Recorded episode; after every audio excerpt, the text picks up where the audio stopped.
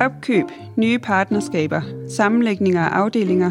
Der kan være mange årsager til, at to kulturer skal mødes og blive til en. Fusioner stiller store krav til ledere, som skal sætte retning for helt nye afdelinger, hvor et mix af gammelt og nyt skal finde en fælles fodfæste. I denne udgave af F5 Fokus undersøger vi, hvordan fusioner og sammenlægninger kan se ud i den offentlige sektor. I dag har vi inviteret Michael Bæk i studiet, som gennem sine tidligere direktørposter har ledet flere fusioner og sammenlægninger. Og velkommen til dig, Michael. Du har jo en del erfaring inden for området. Indledende tak. kan du så knytte et på ord på, hvad forskellen er på en fusion øh, versus en sammenlægning, når vi taler inden for den offentlige sektor? I deler en del karakteristika, men øh, jeg vil betegne en fusion som en egentlig organisationsomlægning, hvor du laver to, øh, hvor du sammenlægger to juridiske enheder, eller enheder, som adskiller sig øh, ved at være enten på forskellige forvaltningsområder, eller decideret har været separate institutioner.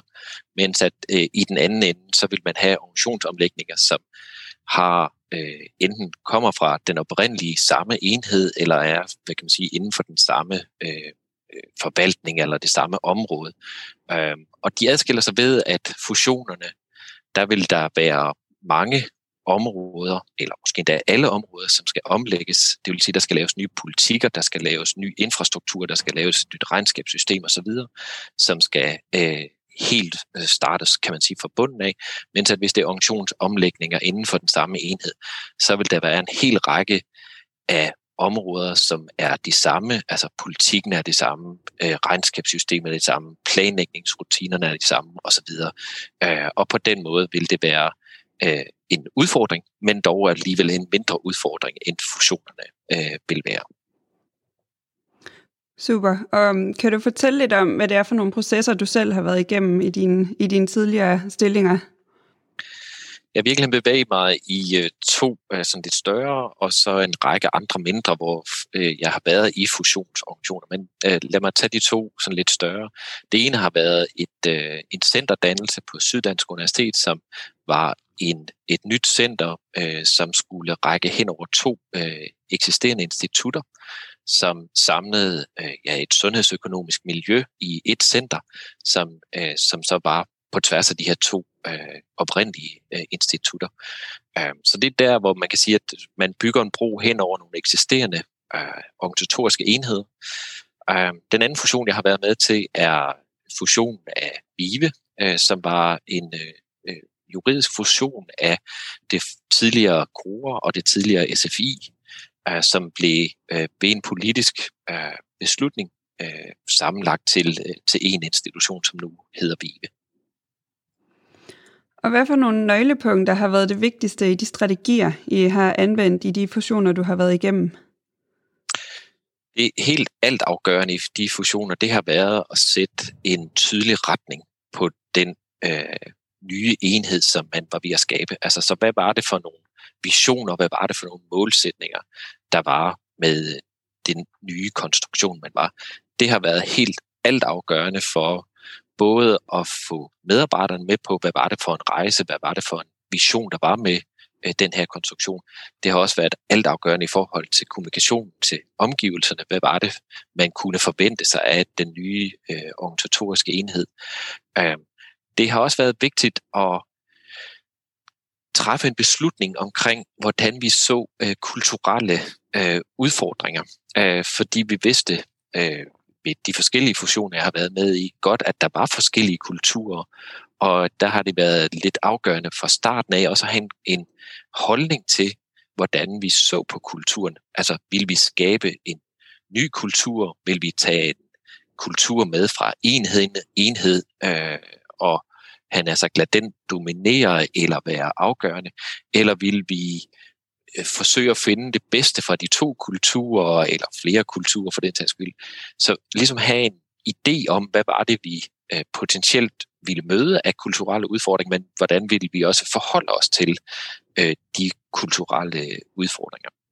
Og så kan man sige, altså øh, det har også været helt afgørende at finde en måde at øh, inddrage øh, medarbejderne øh, eller øh, andre typer af interessenter, men selvfølgelig særligt medarbejderne i, hvad det var for en proces, øh, vi skulle igennem i forhold til øh, de her fusioner her. Øhm, og, og det kommer jeg nok til at vende tilbage til som en del af det, vi snakker om her, men hele den der medarbejderinddragelsesvinkel på de her fusioner har været for mig i hvert fald en helt afgørende øh, parameter for både at kunne lykkes, men jo også øh, været noget, som har sat, øh, kan man sige, de processer, som vi har gennemført i forbindelse med fusionen, øh, både under pres eller givet udfordringer, men som jeg som stadigvæk synes har været helt afgørende for, hvordan vi har kunne lykkes med øh, den fusionsproces, vi har været igennem. Kan du, øh, ja, nu bliver jeg jo helt, øh, det synes jeg jo lyder rigtig spændende. Kan du dykke lidt mere ned, ned i, hvordan I har, har lavet den her medarbejderinvolvering? Ja, så, så man kan sige, det, øh, det starter jo allerede, kan man sige, før man så at sige går i gang. Altså, så hvad er det, øh, man, inden man overhovedet er siger, nu har vi en reel fusion, hvordan forbereder man øh, den øh, udfordring, man står overfor? Hvad er det for nogle ja, hvad er det for en vision, man ser for sig? Øh, så den er informeret øh, drøftet, måske endda med medarbejdere, sådan at det ikke bare er, kan man sige, den, der skal gennemføre altså den leder eller de ledere, der skal gennemføre en funktion, der har de visioner, men det rent faktisk også er forankret i øh, medarbejdernes øh, forståelse af, hvad kunne vi øh, nå, hvad er det for en vision, vi gerne vil se for os. Så det starter allerede inden da. Men ellers så kan man sige, at hele den der medarbejderinddragelsesvinkel for mig går i hvert fald ud på at skabe så høj grad af transparens omkring de processer, man gennemfører, øh, omkring øh, de beslutninger, som man kommer til at skal gennemføre, og øh, på den måde sikre sig, at medarbejderne ved, hvor vi er henne, hvor er vi hen i processerne. Øh, fusion er typisk et stort arbejdspres, fordi der vil være rigtig mange forskellige typer op, opgaver.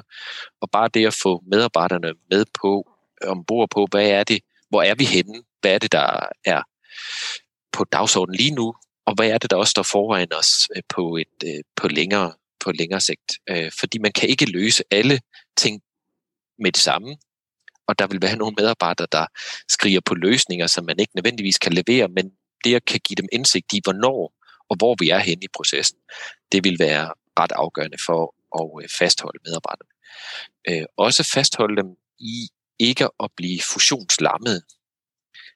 Fordi en særlig problemstilling, synes jeg, i fusioner, det er, at medarbejderne godt i nogle tilfælde kan føle sig sat lidt ud på et sidespor, fordi der vil være så mange øh, opgaver, der skal laves om, rutiner, der skal laves om, tekniske systemer, IT-systemer, regnskabssystemer, planlægningsrutiner, alt mulige ting, som er afgørende for øh, den tekniske drift af en organisation, som vil fylde meget i den første del af en fusion. Men det kan medarbejderne godt nogle gange tænke, hvorfor hører vi ikke noget? Hvorfor sker der ikke noget? Hvorfor det, som der vedrører vores hverdag, hvorfor øh, laver vi ikke op på det? Hvorfor får vi ikke svar på det, som vi gerne vil have svar på?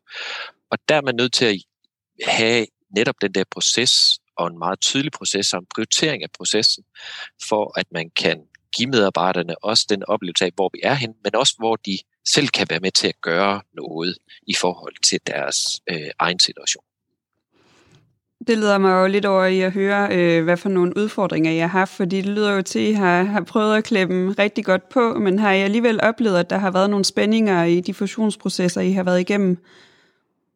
Det, det tror jeg, alle, som laver fusioner, kommer ind på, at øh, det, det fusioner er...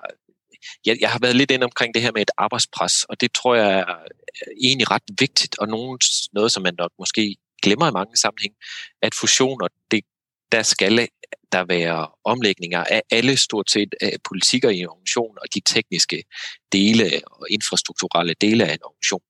Og det er et kæmpe, kæmpe arbejdspres, og typisk et arbejdspres, der ligger meget koncentreret hos nogen, øh, blandt andet sådan mere stabsmedarbejdere eller teknisk administrativ personale, øh, og så øh, særligt hos lederne. Og det arbejdspres, det, det, det, det er en særlig øh, udfordring. Men, men det, der nok øh, står allerhøjest også, det er nogle sådan kulturelle problemstillinger. Altså, hvad er det, hvad er det for en kultur, vi skal, vil skabe? Hvad er det for en kultur, der er? Øh, og hvordan får vi, kan man sige, lavet en fusion af den øh, kultur, der skal være. Øh, hvordan får man medarbejderne til at føle sig som en del af den nye organisation?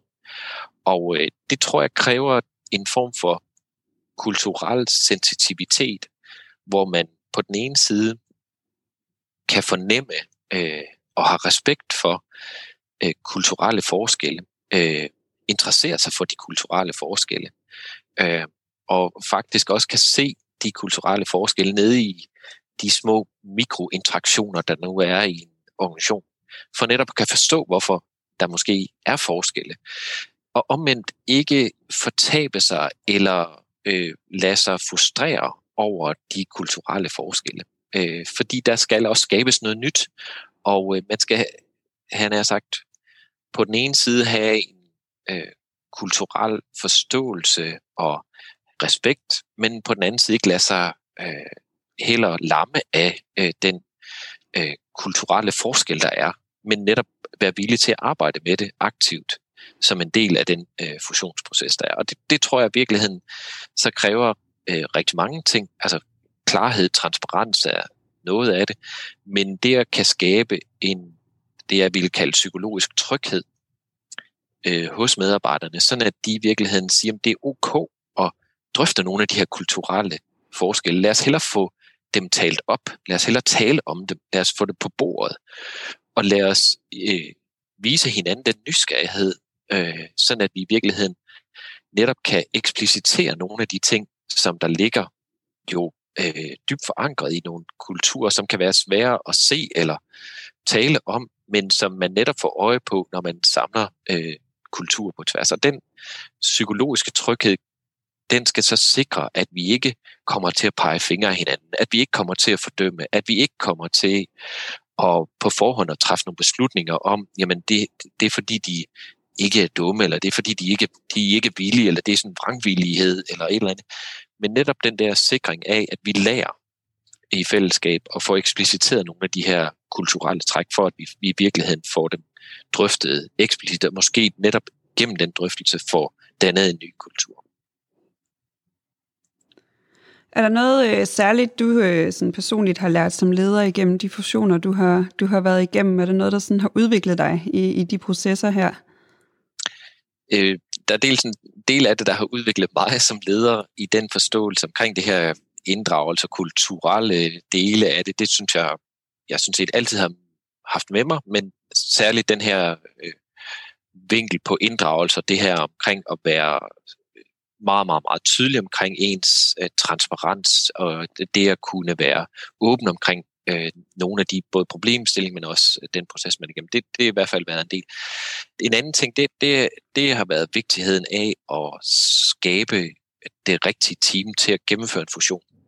Uh, sådan at, jamen, det har aldrig været meget, der har stået alene med en fusion, men det at skabe et team, og det rigtige team til at skabe den her fusion, det har været for mig i hvert fald helt altafgørende for at øh, kunne gennemføre det. Og det har nogle gange også kunne tage nogle hårde slag, altså fordi man har også skulle fravælge nogen. Altså man har skulle vælge, hvem der var med på det her team, men også potentielt sagt, jamen der er nogen, der ikke nødvendigvis skal være med på det her team. Og, øh, og det tror jeg også er noget, som man så skal som leder være klar på, jamen sige, i den fusion, fusionerede organisation, der er det jo ikke nødvendigvis alle medarbejdere, øh, der har lyst til at være med i den fusionerede organisation. Der er nogen, der vil sige, det her, det, det, det stikker jo af fra det, jeg oprindeligt var. Søgte ind i den oprindelige organisation for, og derfor så synes de måske, at øh, de ikke længere kan se sig selv i den organisation, og det vil der tilsvarende også være nogle ledere og mellemledere, der ikke kan. Og det tror jeg i virkeligheden er et vigtigt del af den fusionsproces, det er, at der vil være medarbejdere og ledere, der forsvinder enten af sig selv, eller skal måske hjælpes videre øh, fra den, øh, den fusionerede og at det ikke er usædvanligt heller. Altså, øh, i de fusioner, jeg har været med i, har vi i nogle tilfælde sagt, øh, vi har sat nogle bestemte procenttal på. Det, det er ikke så afgørende for præcis, hvad det var for nogle procenttal, men at der var, ville være en større medarbejder medarbejdergennemstrømning øh, i en periode, øh, fordi det var en helt naturlig del af den proces, vi var igennem, af at både have sat en ny retning øh, og lave en ny kultur, at der var nogle medarbejdere og nogle ledere, der potentielt ikke synes, at det var det rigtige for dem. Og det var måske i virkeligheden også vigtigt nok for dem, så at komme vægt videre, øh, fordi de jo ikke måske nødvendigvis ville være, finde sig tilfredse i den her, i den her nye organisation. Så, så det at have en øh, kan man sige, ro i at sige, at det er ok, at der er også sker den her, og at det øh, ikke er forårsaget af mig i den forstand, at det, men det er forårsaget af, at vi jo laver den her ændring her, og ændring det indebærer, at der er nogen, der vil synes, øh, at det her det ikke er det rigtige for det. Mm. Den sidste del, det tror jeg har været sådan, også at have tålmodighed. Altså, øh, jeg er lidt en utålmodig sjæl. Jeg vil gerne have, at der sker rigtig mange ting. Jeg vil gerne have, at vi når noget relativt hurtigt. Men i de her processer har jeg også øh, måtte finde en ro i at sige, at det, det, der er noget, der også tager tid. Øh, der er noget, der skal modnes. Der er noget, som også bare på grund af arbejdspresset tager tid, og det skal jeg kunne være i. Øh, og den tålmodighed og ro i at være i den her proces, jamen det er også en del af at øh, kunne lede en fusion. Mm. Jeg kunne godt tænke mig at, at, at dykke lidt ned i det, du snakker om, at sætte et godt team til at lede øh, processen. Kan, er der sådan nogle kendetegn ved, hvad for nogle forskellige øh, kan vi sige, personligheder, eller øh, hvad er det, der sådan definerer det gode team i forhold til at bære en, en fusion videre? Jeg tænker også, der kunne være noget med altså at være kulturbærer, ikke? Det, det, det afgørende er, tror jeg, for at sætte det team, det er, at det team og de personer, der er med, at de ligesom kan se vision. Øh, og at, at de er med på, hvor vi er på vej hen. Altså, at de er enige i, at det er der, vi skal, skal hen. Det tror jeg er det, det er afgørende. Øhm, så tror jeg, det er afgørende, at man også finder, ligesom i andre konstellationer omkring ledelsesteam, finder den diversitet. Og det her, i særlig en fusionsperiode, øh, eller ved fusioner, der, der tror jeg, det er vigtigt også at kan, ja, igen have den der kulturelle sensitivitet, der siger, jeg skal nok have noget med for begge organisationer, men mindre man vidderligt har besluttet for, at der er en kultur, der skal dominere eller skal tage over. Men i de fleste tilfælde vil det jo formodentlig være sådan, at man gerne vil have det bedste med fra begge organisationer. Ja, øh, og ja, derfor for, også... kan, man, kan, man, kan man beslutte, at der er en kultur, der skal være rammesættende for den anden også? Vil man lykkes i det? det kan man jo godt, og det, jeg skal ikke afvise, at der er nogle fusioner, der, der også øh, både har behov for det, men også er sådan. Øh, I de fusioner, jeg har været med i, der har det været helt afgørende, at vi tog det bedste med fra, fra de organisationer, mm. der øh, blev fusioneret, og at øh, man øh, netop fordomsfrit gik ind og så på, jamen hvad er det, den ene og den anden organisation så at sige, har gjort, hvad er det for noget, vi gerne vil tage med fra hver af de øh, typer organisationer, og så netop haft, haft en netop sådan eksplicit diskussion om, så jamen, her kan vi se, at der, der er gjort noget på den her måde, der er gjort noget på den anden måde her. Hvad er det så, vi i givet fald gerne vil tage med? Og ikke nødvendigvis bare sagt, det er en til en tage med, men hvad er det, vi sådan kan stykke sammen? Hvad er det for et puslespil, vi gerne vil se, og hvor der forhåbentlig er puslespilsbrikker fra hver af de her organisationer, som mm. der bliver taget med. Mm.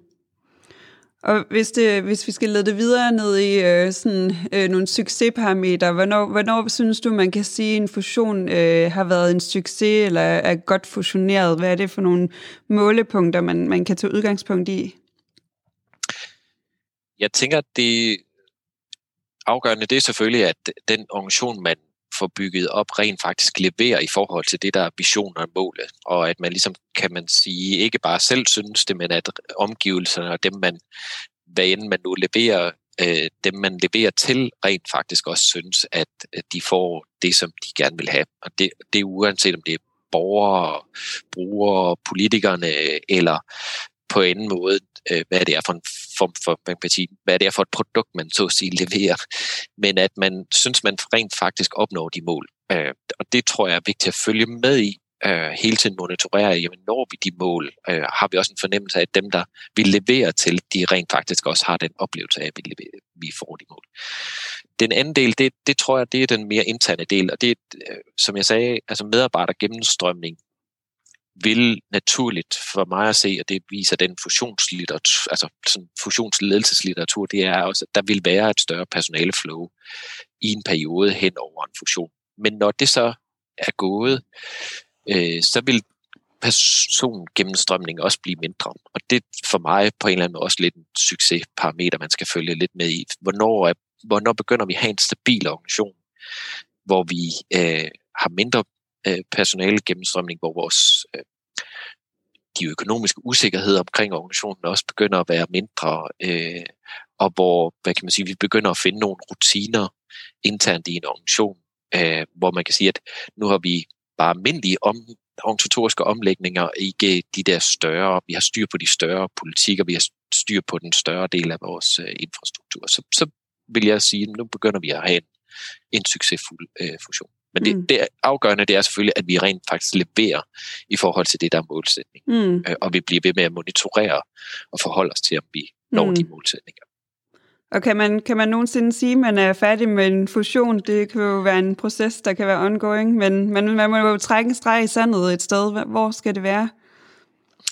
Og det tror jeg er en, er en vigtig pointe. Øh, altså, at fusioner øh, for mig og de steder, hvor jeg har været, jamen, der kan man sige, at, at man skal blive ved med at fastholde respekten for, at der er en historie, og man må aldrig glemme historien, men man må heller ikke øh, dvæle eller lade sig begrænse af historien.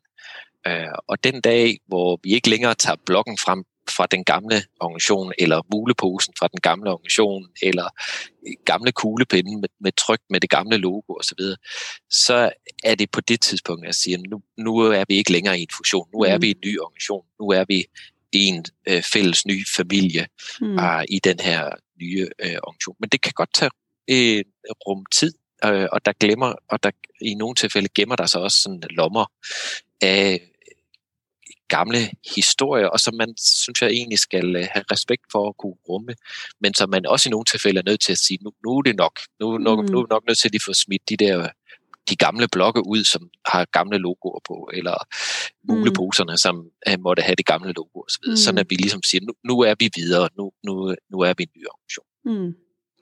Og øhm, her på falderæbet, så tænker jeg, om du kan komme med tre gode råd til andre ledere, øh, som skal i gang med en fusionsproces, eller står midt i den, og, øh, og øh, er måske ved at fare vild. Øh, hvad er det, de skal være opmærksomme på? Jeg tænker hele den der procesplan, øh, og det at betragte øh, fusioner som et kæmpestort projekt, som skal organiseres, og hvor der skal være en tydelig prioritering af arbejdsopgaverne, hvor der alle arbejdsopgaver kan ikke tages fra dag et. Øh, det tror jeg er en ret vigtigt faktisk at betragte og få prioriteret tydeligt i de her arbejdsopgaver, få det kommunikeret til medarbejderne, fordi medarbejderne vil have et, et, øh, gerne have svar på alle spørgsmål fra starten. Det kan de ikke naturligt få, og derfor er, bliver den der procesplan og den her prioritering af arbejdsopgaver en ret vigtig del af det. Det er den ene del. Den anden del, det tror jeg er at undgå fusionslammelse. Det hænger lidt sammen med det første punkt, men det er den her problematik, at øh, man som medarbejder måske nok kan føle, at man lige pludselig kommer ind i noget, som man ikke nødvendigvis kan påvirke, og man kommer til at sidde tilbage og tænke, hvad kan jeg selv gøre? Hvor er jeg selv hen? Hvad er det for noget, jeg kan gøre? Øh, og det tror jeg er rigtig vigtigt, at man som leder bliver meget opmærksom på og siger, at jeg skal hjælpe mine medarbejdere med at se, hvor de selv kan gøre noget, hvad de selv øh, spiller af rolle i forhold til de her ting, og designe, kan man sige, nogle dele af en proces, som de øh, tydeligt har indflydelse på eller kan påvirke i forhold til deres øh, arbejdssituation. Fordi den der fusionslammelse, tror jeg, rammer rigtig mange øh, mm. organisationer. Og den sidste del, det, det er den der kulturelle sensitivitet. Altså, det er rent faktisk at interessere sig, være nysgerrig. Det er for mig i hvert fald ret afgørende for, hvordan man kan lykkes. Men som jeg sagde, ikke nødvendigvis at falde ned i og øh, øh, lade sig diktere af tidligere kulturer, men have hele tiden den der kulturelle sensitivitet, så man i hvert fald er bevidst om, hvad det er for nogle ting, man eventuelt gerne vil bryde med, eller hvad det er for noget, man gerne vil lade sig øh, smelte sammen øh, til øh, mm. på sigt. Mm. Fedt. Tak, Michael. Jeg håber øh, virkelig, at din øh, historie kan være med til at inspirere og give, øh, give andre ledere nogle værktøjer til, hvordan de kan, kan komme godt igennem en proces, som jo øh, nok er uundgåelig for de fleste, øh, uanset hvor de arbejder. Øh, tak, fordi du var med. Velbekomme. Og tak til alle jer, der lytter med. Vi øh, ses i næste udgave af F5 Fokus.